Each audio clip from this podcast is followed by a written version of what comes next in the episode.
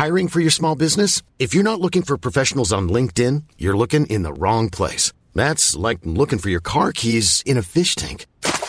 LinkedIn helps you hire professionals you can't find anywhere else, even those who aren't actively searching for a new job but might be open to the perfect role. In a given month, over 70% of LinkedIn users don't even visit other leading job sites. So start looking in the right place. With LinkedIn, you can hire professionals like a professional. Post your free job on linkedin.com slash people today.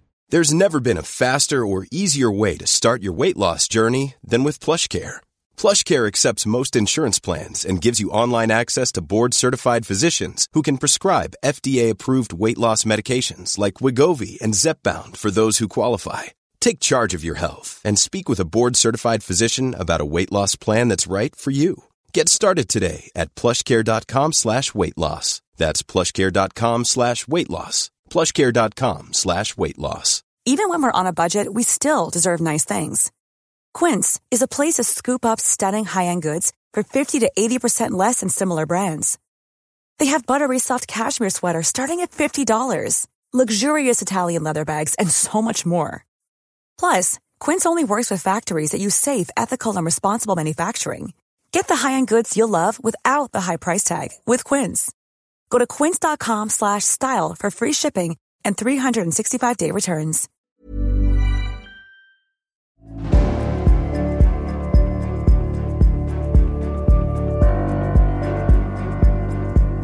Välkomna tillbaka till Samtal om kriget, en specialserie här i podcasten Samtal tillsammans med Kenneth Gregg. Vi har vecka 17 denna vecka. Förra veckan var det vecka 16 och det är den som är objektet för samtalet den här veckan. Kenneth, du har bytt brigad. Berätta lite om det. Ja, eh, jag har nu blivit överförd till hemvärnet i Bråvari. Eh, Bråvari är egentligen min närmaste hemstad. Och vi är där underställt 73 bataljonen. Och eh, vi, har tar, vi har tagit in 250 nya rekryter eh, som har kommit in via mm, mobiliseringen, den allmänna mobiliseringen. Och eh, nu ska vi börja grundutbilda alla dessa då. Så det här är någonting du har uh, erfarenhet av. I början på kriget så utbildade du just rekryter i Kiev. Stämmer bra. Var det, var det speciella moment som du hade hand om eller, eller var det allmän träning från, från grunden? Nej, allmän träning från grunden. För uh, många av de som, som kom in och som nu också kommer in så har aldrig ens hanterat en, en, ett uh, automatgevär. Nu, nu sitter ju jag på massa information som kanske gemene man inte har eftersom jag sitter och bearbetar manuset från din bok. Eh, och jag vet att i början på kriget så, så trodde ni verkligen eh, på riktigt att det här kriget skulle vara över på några veckor. Eh, då hade du vid ett tillfälle skrivit att ehm, med en av de här grupperna som du utbildade, att ni skulle ta en öl efter kriget. Hade den ölen blivit av ändå? Nej, men jag hoppas den blir av före den, före den 25 juni nu. Eh, men tyvärr så, så finns den eh, plutonen inte mera och eh, tre av de från, från den tiden så är fångar hos ryssarna.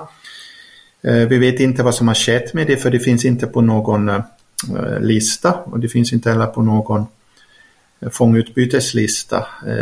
De är nu faktiskt en del av de 7000 ukrainska soldater som, som är försvunna. Och eh, de blev tagna till fånga i, eh, i augusti uppe norr om, norr om Harkiv. Att se en ung man gå från att aldrig hålla i ett vapen till en krigsveteran vad, vad, vad är det för förändringar man ser i en sån man? Uh, det nu som, som har varit med från början så kan jag faktiskt, det som är utmärkande för dem är att de, de alla säger att de har börjat hata människor. De vill inte ha någonting att göra med, med andra.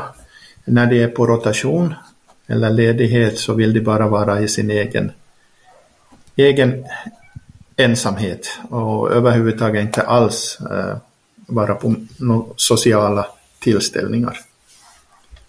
Det är ju nu vad som är, är väldigt utmärkande för, för de så kallade veteranerna. Vad hade varit för ålder på dem som du utbildade? I början? Eh, den yngsta var 18 och den äldsta var 47. Om du, om du träffar den 18-åringen idag, hur är liksom, ser han ut att ha åldrats så som du vet när vi kollar på president Zelensky nu, han ser ut att ha åldrats 10 år. Ja, det gör det och du ser det framförallt i ögonen. De är trötta.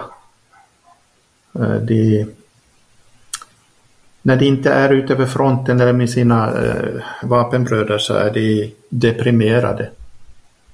Mm.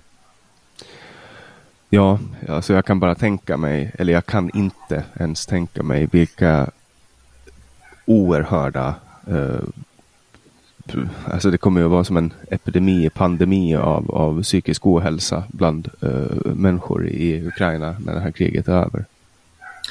Ja, och nu blir det ju ännu värre i och med att uh, Wagner-chefen har ju nu gett order om att man inte ska ta krigsfångar mera.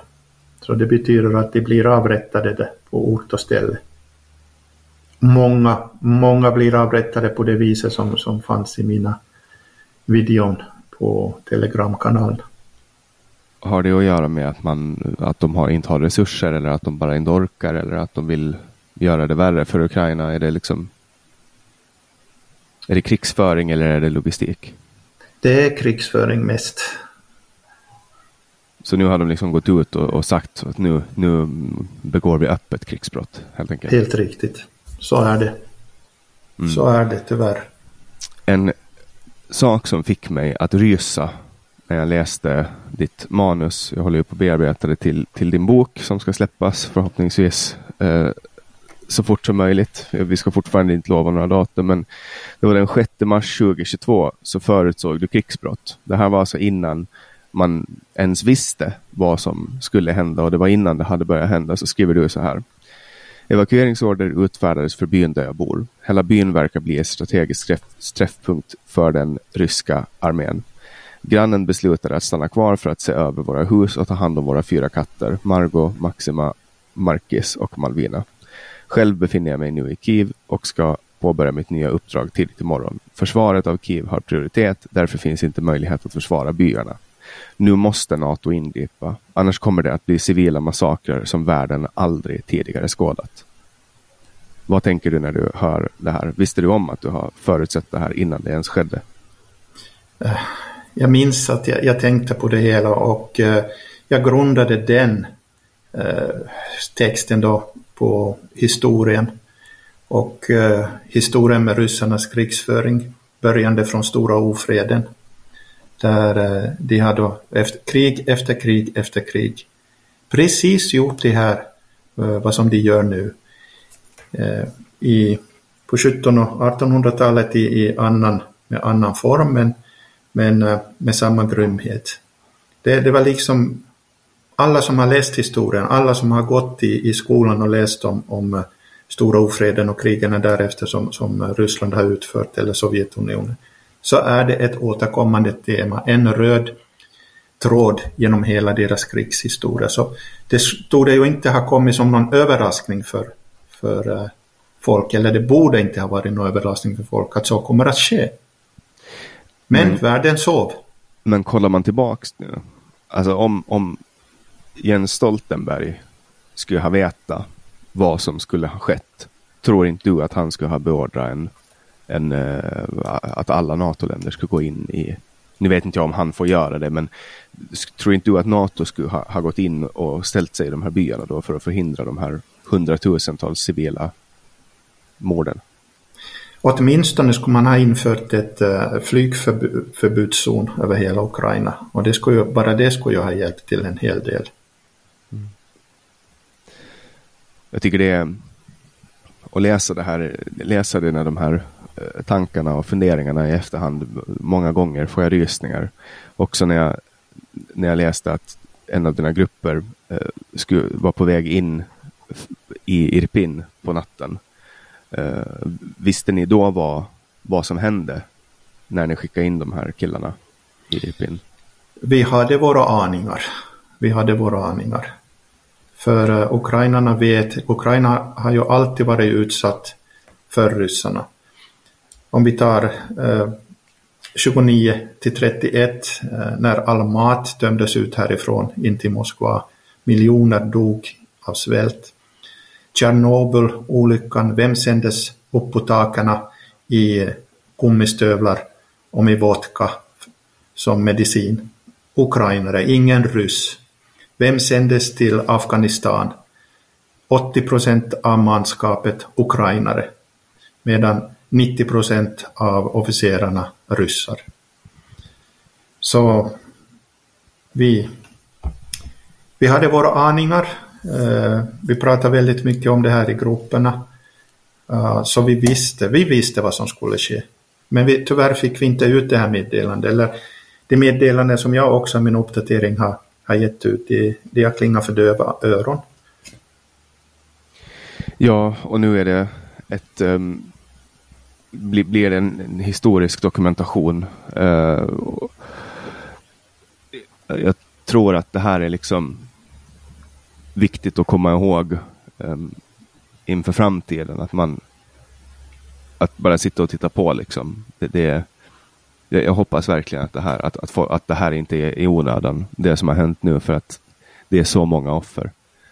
Um, så uh, det har spekulerats om ett UFO ovanför Kiev. Vad, vad, är det någonting du har sett och vad, vad finns det att berätta om det? Det var en eh, meteorit som, som kom in i, i atmosfären och började brinna. Men eh, det har ju varit spekulationer om allt från ett UFO till att det var en, ett uh, nytt ryskt uh, vapen till att, att det är en kärnvapenraket som är på kommande. Så, men i alla fall så gavs uh, flygalarm i Kiev på den. Men det var en naturlig förklaring till det hela. Var det här någonting som du fick bevittna själv eller? Eh, nej, eh, jag såg det inte själv men men telefonen började ringa när, när, eh, när folk hade sett det. Just det. Och sen, eh, sen har det varit lite eh, action också eh, för dig nu när du har bytt brigad. Jo, nu, nu har vi ju mm, Egentligen har vi ju vetat om det länge men, men först nu har vi fått befogenheter att börja agera mot, mot Moskva-kyrkorna. För de används som bas för descendanter, för spioner och för rysk propaganda. Och nu var det en större ride då mot en eh, lokal kyrka utanför Brovary i en ort som heter Trebucha. Eh, och eh, den kyrkan, eftersom den var li lite avlägsen så har troligtvis använts som en eh, en, en, en högkvarter i Brovary-regionen. Så det är inte de, de Moskvatrogna kyrkorna inne i själva staden utan, utan den här lite utanför. Och just nu så är det 20 arresterade, både civila och präster. Eh, vi hittade mer än en halv miljon dollar i kontanter. Eh, vi hittade en massa mm, dokument där eh, våra energi Infran var väldigt noga utmärkt var eh, våra eller var de soldater som är på rotation är förlagda. Eh, vi hittar dokument eh, om, om olika personer som anses antirysk och deras verksamhet. Så det har varit en otrolig dokumentering utav, av, av fienden, av, våra, av vad som sker i Brovary med omnejd. Och det här är alltså förstahandsinformation som du själv har samlat på plats eftersom du var delaktig i själva Ja, vi, vi, det var ju egentligen eh, SBU, eller vår underrättelsetjänst, som, som var ansvarig för, eh, för den hela rajden, men eh, vi på hemvärnet, eh, vi var och säkra eller ska vi säga som, som security och uh, spärra av områdena och så till att ingen kom in. Och vad, vad tänker du när, du när du ser det här? Det är ju ändå vad är, åtta, åtta kilometer från ditt hem, Bråvary. Det är väldigt nära. Det här har jag vetat om att har varit på gång under hela kriget. Eh, prästerna har ju också, också här i vår by, från, från samma kyrka, har ju gått runt och, och försökt välsigna de här husen och, och sen har man satt då en, där det har varit soldater har man satt ett vitt kors på med, med en krita på, på dörren. Uh, det är, samma då är liksom en välsignelse för det här. Men uh, deras uppsåt var ju någonting helt annat än att välsigna ukrainska. Man markerar, här bor det soldater. Ja, precis. Mm. Och... Nu vet vi ju ännu inte vad som har, hur mycket av de här eh, uppgifterna har blivit vidaresänt. Men eh, sen när vi hade de stora missilangreppen och i, också i, i början av kriget när vi fick här missilangreppen direkt mot vår, eh, eller ett stort eh, matvarulager. Mm, så, så det har egentligen fått sin förklaring varifrån de koordinaterna kom. Just det. Ja, där skriver du också i, i, i boken om, om eh, ett, ett, lager med frysmat som brann i, i nästan ett, en hel dag. Mm, ja, flera dagar. Flera dagar, just det.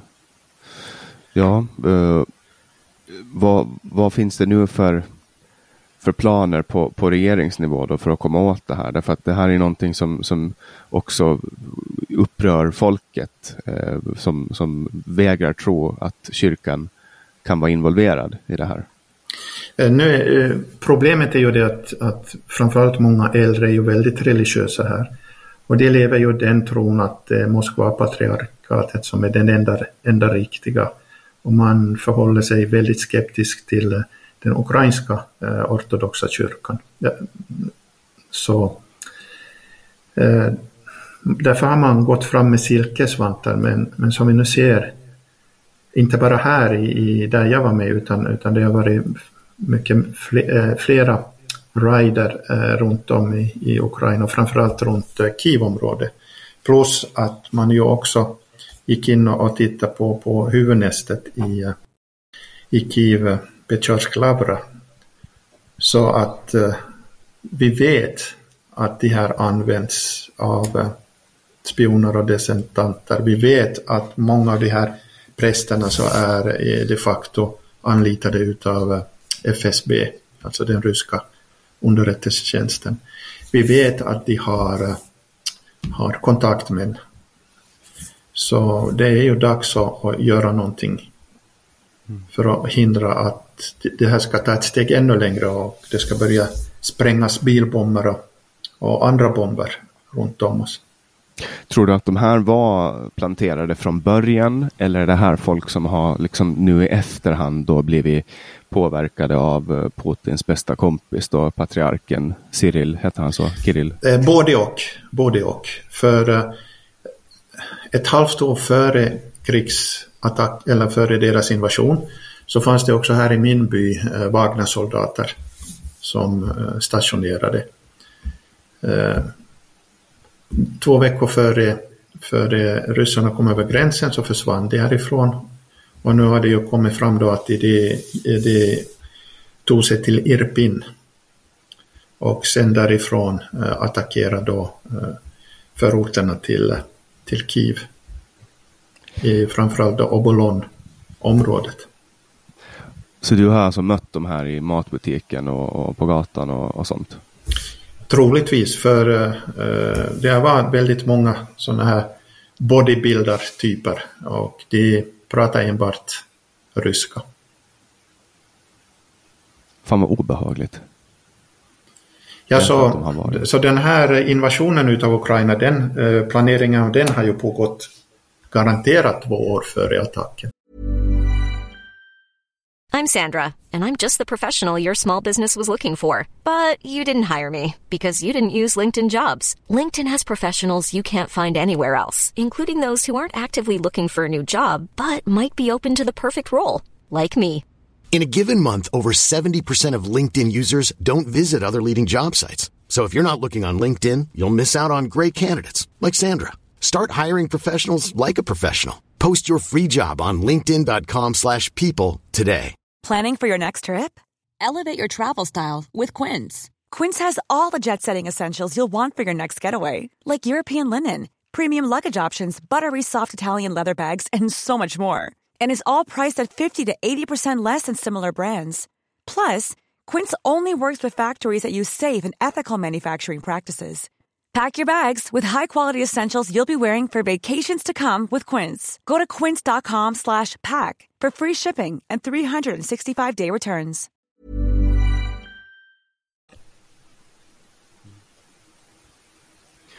Ja, det är, de är jävligt, jävligt obehagliga, ryssarna, eh, när de håller på på det här sättet. För, för är, det någonting som man vet säkert med Putin så är det att han ljuger. Ja, det är det. Och sen eh, finns det ett lagförslag då om att inte få kritisera regeringen. Vad, vad finns det att berätta om det här? Eh, det, det är nu faktiskt eh, parlamentariker från Zelenskyjs eget parti som har kommit upp med det här. Och det här är ju, det här börjar likna ryssarnas sätt att eh, föra politik. Men eh, mm, det som är, är, väldigt intressant är att, att det som är bakom det här eh, så är, är, har ju tidigare varit pro-ryska. Men om, om, det här, slag, eh, om det här laget, lagen skulle kommer att gå igenom då, då, har vi, då har vi direkt upplopp. Och det betyder ju då också att, att eh, hjälpen från väst kommer att få sig, kommer att stanna upp. Och, Vad grundar sig det om man lyssnar på dem då? Nej, det man använder samma argument som, eh, som man i Ryssland använder. Så det, man kan fråga sig att, att eh, är det ultranationalister, ukrainska ultranationalister eller är det proryssar som försöker så ett frö utav tvivel på Ukrainas parlaments eh, ska vi säga trovärdighet utrikes. Det, det, vet, det kan jag inte nu säga ännu. Mm. Vad är det för tidsfönster eh, som den här lagen har då innan det, eller när den ska in i, i rada då i parlamentet?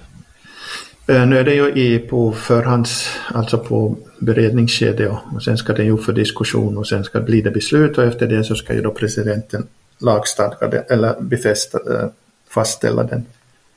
Så att eh,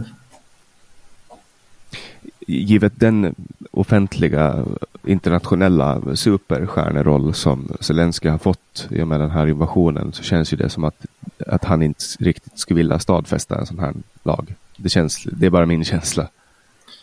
Jag tror också det, men jag tror också att det kommer att, att, att falla redan i, i behandlingsskedet. Mm. Ja, de har, jag vet inte exakt hur eh, deras grundlag ser ut, men om man utgår ifrån att det liknar västerländska eh, parlamentarist, parlamentarismer så, så borde ju så är det två behandlingar eh, och var, varje behandling då ska godkännas eller nekas av kammaren. Eh, om det faller i första så är väl det ett tecken på att det inte finns något stöd för det överhuvudtaget. Ja. Och det är väl det man får, får hoppas på för att det, det känns ju inte som att att kritisera regeringen borde ju kanske inte vara olagligt i ett land i krig. Nej, och då, då ger man sig faktiskt in på en, en att yttrandefrihetsgrunderna äh, raseras. Och då är man inte en demokrati mer. Mm. Och korruptionssituationen, det är någonting som du har engagerat dig mycket för, eh, eller för mot kan man väl säga. Finns det någon, någon uppdatering där som du kan komma med denna vecka? Eh, jag gjorde ju en intervju med två politiker som har väldigt god insyn i, i hur, eh, hur den här korruptionen sker i då framförallt Brovary stadsfullmäktige eller i, i stadsparlamentet som det här kallas. Och det är en väldigt typisk, eh, ska vi säga, schema som, som man använder och, och eh, mm, den den finns garanterat i, i hela Ukraina. Eh, vi har fått mer och mer bukt med eh, statskorruptionen. Men på lokal nivå så florerar den om inte ännu mera än före kriget. För eh, borgmästarna har egentligen diktatorer och de har, har viss makt och mörka vad som sker. Och de här två politikerna blev ju ut, utrökta då både från, eh, den ena var vice borgmästare och eh, medlem i, i eh, stadsfullmäktige och jurist, en jurist som också var där som gick samman med, med den här killen då. De, de blir båda intervjuade i, i, av mig i förra veckan. Hoppas vi får ut den intervjun så fort som möjligt. Så eh, jag skulle säga att, att på, på statsnivå så, så är det bedrövligt. Mm. Ja, och vi, vi, ska kämpa lite där med översättningen. Det är en lång intervju och det ska eh, översättas till engelska för att kunna textas på svenska. Men vi ska se vad vi lyckas få fram. Ehm, det skedde en incident förra veckan som förvånar mig ganska mycket. Att man faktiskt gick ut och sa sanningen och det är längs då den befriade delen av fronten eh, norr om eh, Charkiv finns en rysk stad som heter Belgorod. Och i den staden så föll en bomb eh, som skadade ett antal personer. Och Det var då ett ryskt jaktplan av typen Su-34 som smällde, eh, smällde en, en, en bomb där. Och det var ett misstag. Här har då Ryssland gått ut och sagt att det var deras, deras eget plan som gjorde det och att det var ett misstag. Uh, vad är det, tror du, som får Ryssland att erkänna en sån här sak där standard egentligen borde vara där de säger att nej men det här var Ukraina som smällde den här bomben. Nu har de gått till attack på oss. Eh, alltså det fanns ingen möjlighet att och, eh, ens försöka påvisa att, att det ska ha varit Ukraina som hade varit ute och bombat. Eh, dessutom var det två bomber som föll ner och troligtvis hade det varit tekniskt problem Eh, i flyget och piloterna måste göra av med, med bomberna.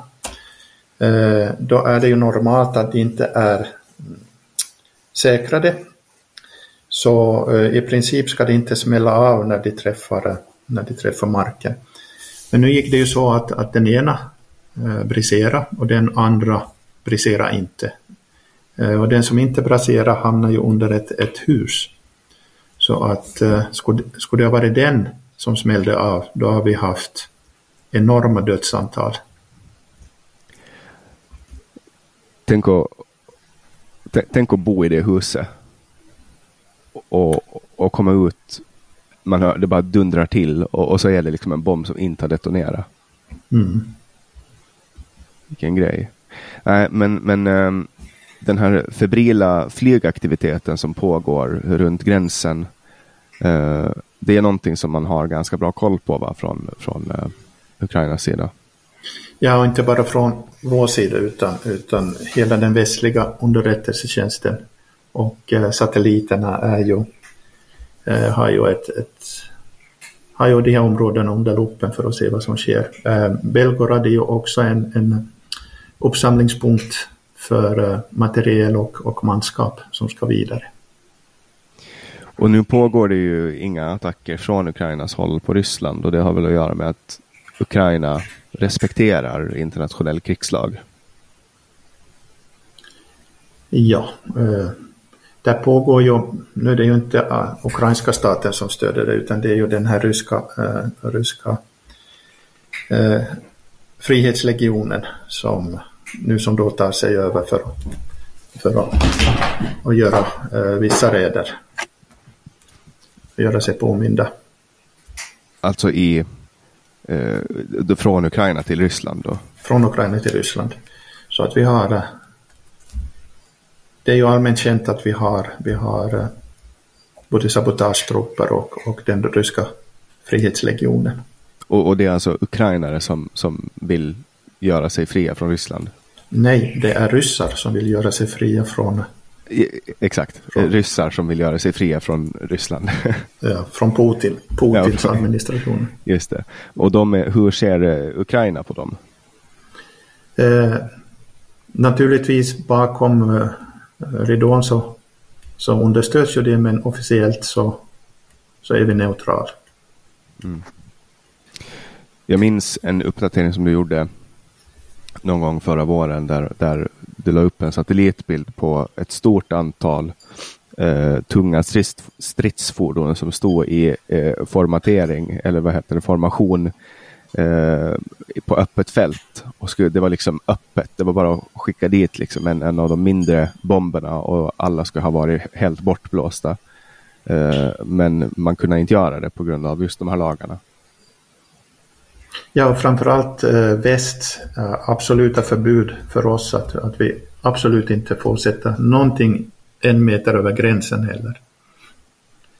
Eh, nu, nu, har ju, nu har ju då väst igen eh, luckrat på det och säger att, att eh militärdepåer och militär högkvarter är lagliga mål.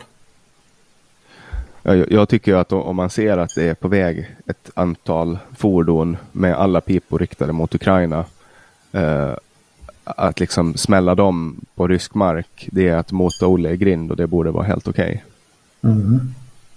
Jag tycker Normalt borde det vara så. Men uh, alla var ju rädda för uh, Ryssland, vad de skulle göra och deras militär.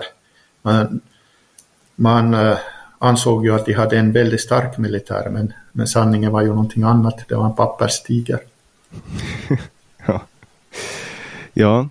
Eh, sen då en liten uppdatering om födelsedagsinsamlingen. Det kom ju in då 200 000 kronor och nu har det börjat, vad jag förstår, eh, omsättas till materiel. Ja. När, kommer, när kommer de här drönarna att eh, nå den 63 brigaden? Eh, de två första har ju redan kommit. Eh, nu eh, beställdes då R18, eh, dronsystem som kan ta fem kilos last, det vill säga granater.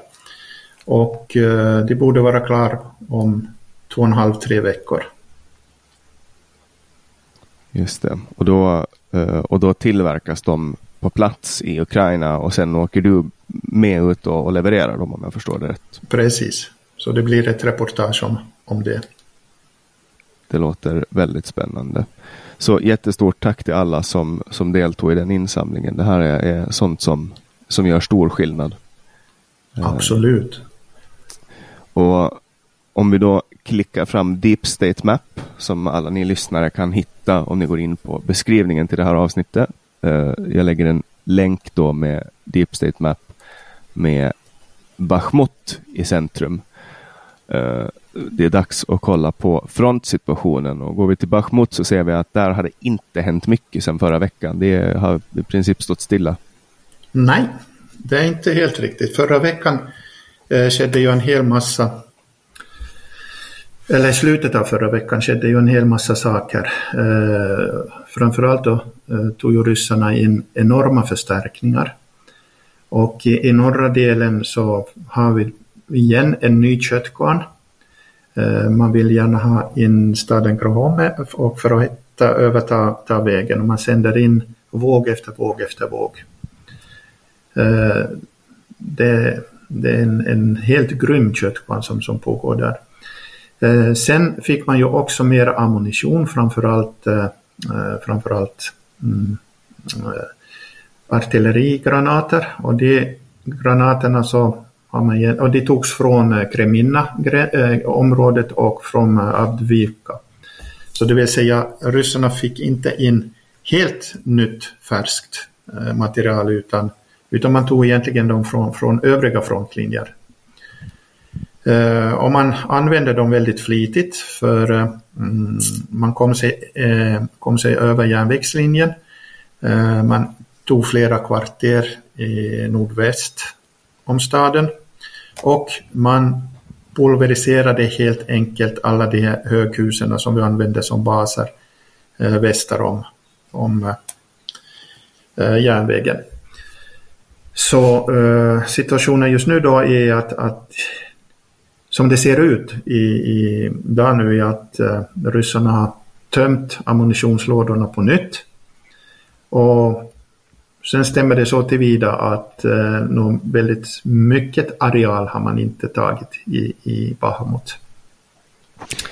Nej, de, de har ju, alltså det man ser på kartan i alla fall är att de har ju den här, det är ju järnvägen som är eh, liksom eh, som, som är deras linje i princip. Och sen så fort det kommer terräng så, så verkar de inte kunna gå fram.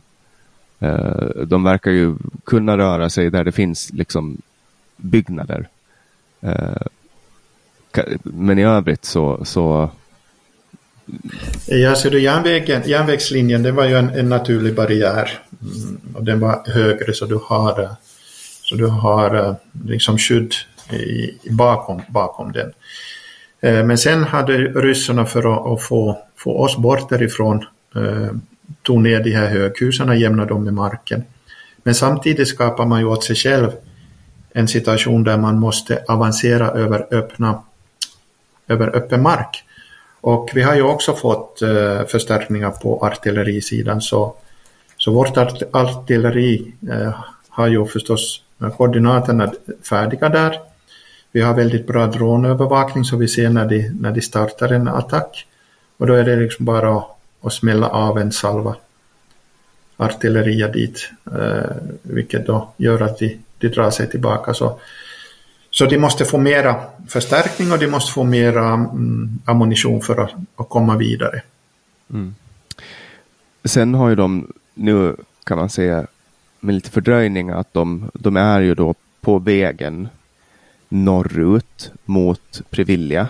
Eh, vad kan det här, liksom den här vägen, finns det någon form av övertag för dem att ha den här vägen? Nej, det nej det, Eh, egentligen hade det inte kommit, kommit så långt där och, och de har tre mil till Siversk, Slovansk. Och eh, där har vi ju stora styrkor. Så det, det, det är bortkastade resurser att försöka ta sig där med det, det material och det manskap de har nu. Mm. Och de här um, specialstyrkorna som de har satt in då, de här VDV Eh, hur, eh, hur har den taktiken fungerat? Väldigt dåligt. Väldigt dåligt. Eh, däremot så har det ju blivit väldigt bra gallring bland, även bland DVD-styrkorna. Eh, de har ju satt DVD liksom och, och, och i samma köttkvarn att attackera våra skyttegravar, att uh, gå över öppen mark. Så de gör ju nu uh, infanteristernas arbete och, och det, det är ju egentligen inte vad DVD-styrkor ska göra. Men alla har blivit tagen till eh, Bahmut för att så snabbt som möjligt få kontroll över hela staden. Mm. Så vad är sannolikt att, att kommer att, att utveckla sig eh, den här veckan då om man kollar på hur det ser ut nu? Det blir fortsatt som förra veckan att eh, eh Eh, okej, okay, igår så var det 53 attacker bara i Bahmut. Eh, så det är en, en grym, grym siffra. Om du ser då vad de övriga attacker, en 3-4 på de övriga frontlinjerna. Så eh, vi ser ju att, att de vill ha Bahmut för allt. Till vilken kostnad som helst och det är då för att få det är då för att få poli, inrikespolitisk ska vi säga poäng.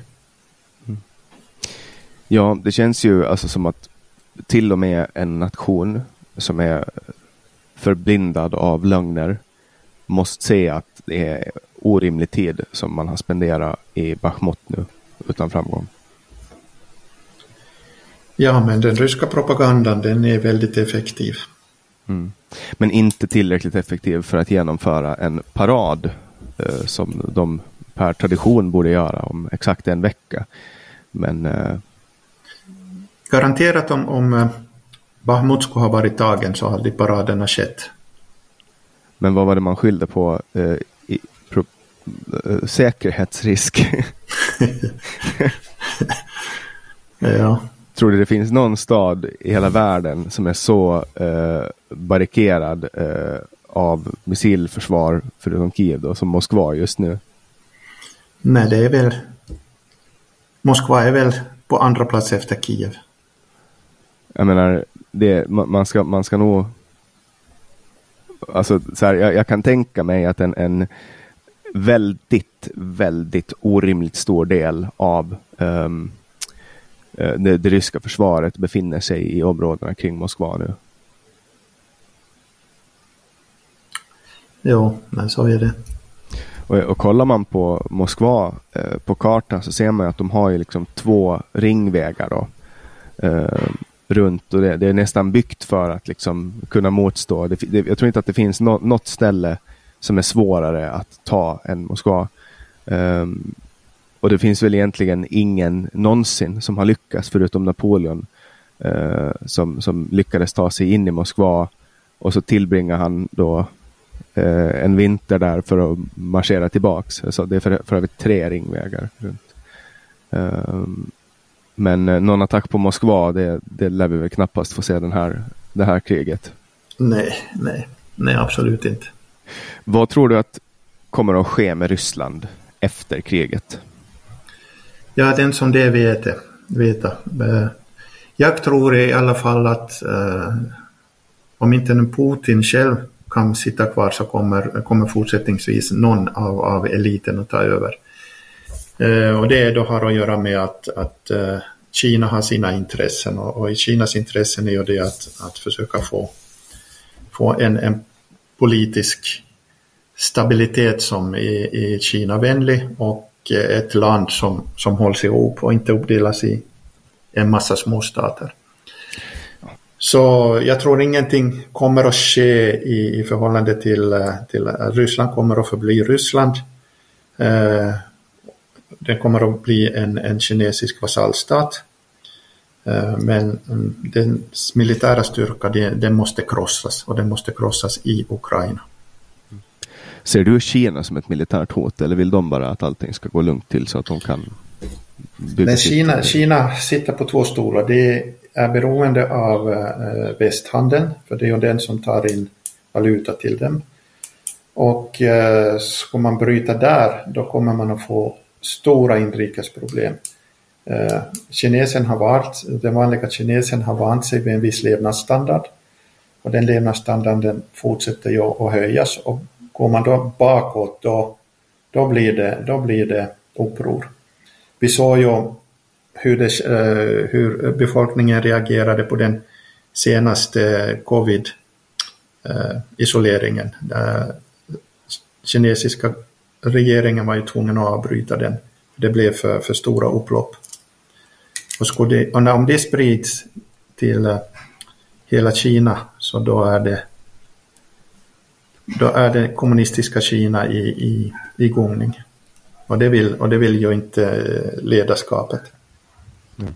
Nej, men frågan är ju alltså Kina är ju mer fredliga när det kommer till eh, att attackera ut alltså, andra nationer. Sen är de ju inte så snälla mot sin egen befolkning. Ehm, eller mot folk som inte håller med dem. Så frågan är. Sen finns ju också den här eh, situationen i Taiwan där många är rädda att Eh, att, Kina nu då kommer att, att passa på att attackera Taiwan eftersom man ser att väst skiter totalt i att det pågår ett, ett eh, anfallskrig i Ukraina.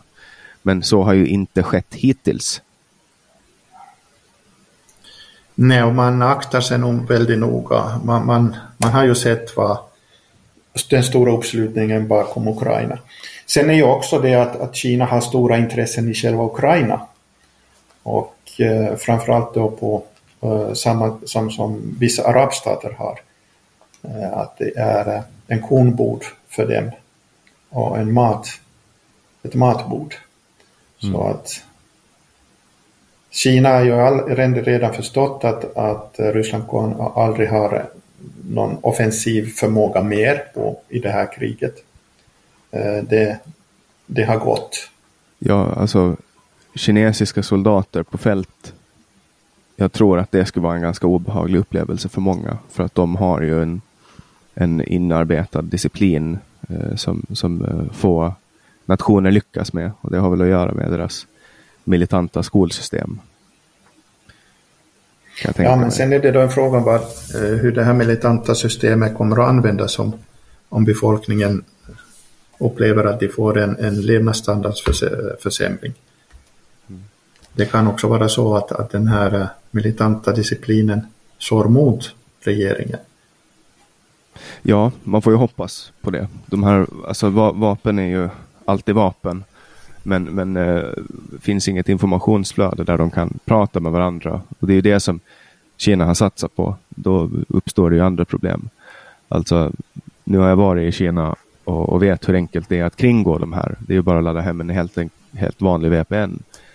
Eh, för en västerländsk turist så är inte det några problem. Men jag kan tänka mig att det är lite större problem om en kinesisk medborgare försöker kringgå deras censur. Men det är ett ämne för, för en helt annan podd. Uh, för den här podden så kan vi säga att Kenneth har en bok som kommer att släppas förr eller senare. Uh, och är man intresserad av den boken så kan man få uppdateringar genom att gå in på nongrata.se snedstreck Kenneth Greg bok. Uh, där kan man prenumerera på uppdateringar om den här boken. Uppdateringarna kommer att komma snart. Vi har ett eh, första, ska säga, ett, ett utkast som jag håller på att bearbeta just nu. Eh, och det utkastet eh, kommer att lägga grund för hur boken ska utformas. Eh, alla pengar då som Kenneth får in från den här boken, Kenneths del, kommer du att skänka vart då? Eh, till ett uppbyggande av eh, krigsinvalids eh, rehabilitering. Mm. Så den här boken kommer inte bara att vara en historisk dokumentation ur en finsk eller finlandssvensk frivillig soldats perspektiv på kriget. Det kommer också att leda till en form av rehabilitering slash återuppbyggnad av nationen så gå in på nongrata.se slash kennet-greg-bok och prenumerera för att få uppdateringar så snabbt som möjligt. Nu är Kenneth också eh, med i facket eh, och har internationellt presskort. Eh, så nu får vi hoppas på att det aldrig kommer att behövas användas. Men på nongrata.se kennet-backup finns det en lista ni kan registrera er på för att få uppdateringar ifall det är så att Kenneth blir blockerad igen, vilket vi hoppas att han inte kommer att bli. Uh, finns det någonting vi kan ha med oss till eller den här kommande veckan, Kenneth? Ja, då vill, kommer jag gärna ta upp uh, den nordiska fredsaktivistkåren och, och, eh, och de som demonstrerar eh, mot att eh, Ukraina ska få hjälp genom att gå och säga att det är USA som är orsaken till det här och att Ukraina är, är själv, ska vi säga förorsakat också en del av det själv. Och att det är en imperialistisk, men det som är väldigt konstigt när man tittar på deras, på bilder från deras tåg i Sverige då bland annat i att man motsätter sig imperialism. Och vem är det som är, är den världens största imperialistnation och som öppet har deklarerat det? Jo, Ryssland. Så det ska vi åtminstone behandla lite mm. nästa ja, vecka. Och, och om, om någon av er känner sig att ni tillhör den gruppen så tror jag att det finns många foliehattar att införskaffa hos de här antivaxgrupperna. Eh, så att det är bra att kunna särskilja genom att bära en foliehatt när ni går ut på de här tågen. Uh, mm. Men då hörs vi om en vecka då, Kenneth? Det gör vi. Den som lever får se. Den som lever får se. Till er som har lyssnat, jättestort tack. Som ni kanske har noterat så släpptes det även den här veckan i podcasten Samtal en Pink Floyd special där jag och Anders Hesselbom går igenom eh, min stora besvikelse från den proryska aktivisten Roger Waters som en gång var min idol och som fortfarande musikaliskt är min idol men som nu inte har någon form av respekt hos mig. Så om ni är intresserade av musik, om ni är intresserade av krig eller kriget eller situationen kring kriget så finns också det att lyssna på i den här podcasten. Tills vi hörs nästa vecka, stort tack till dig som har lyssnat och stort tack Kenneth. Tusen tack.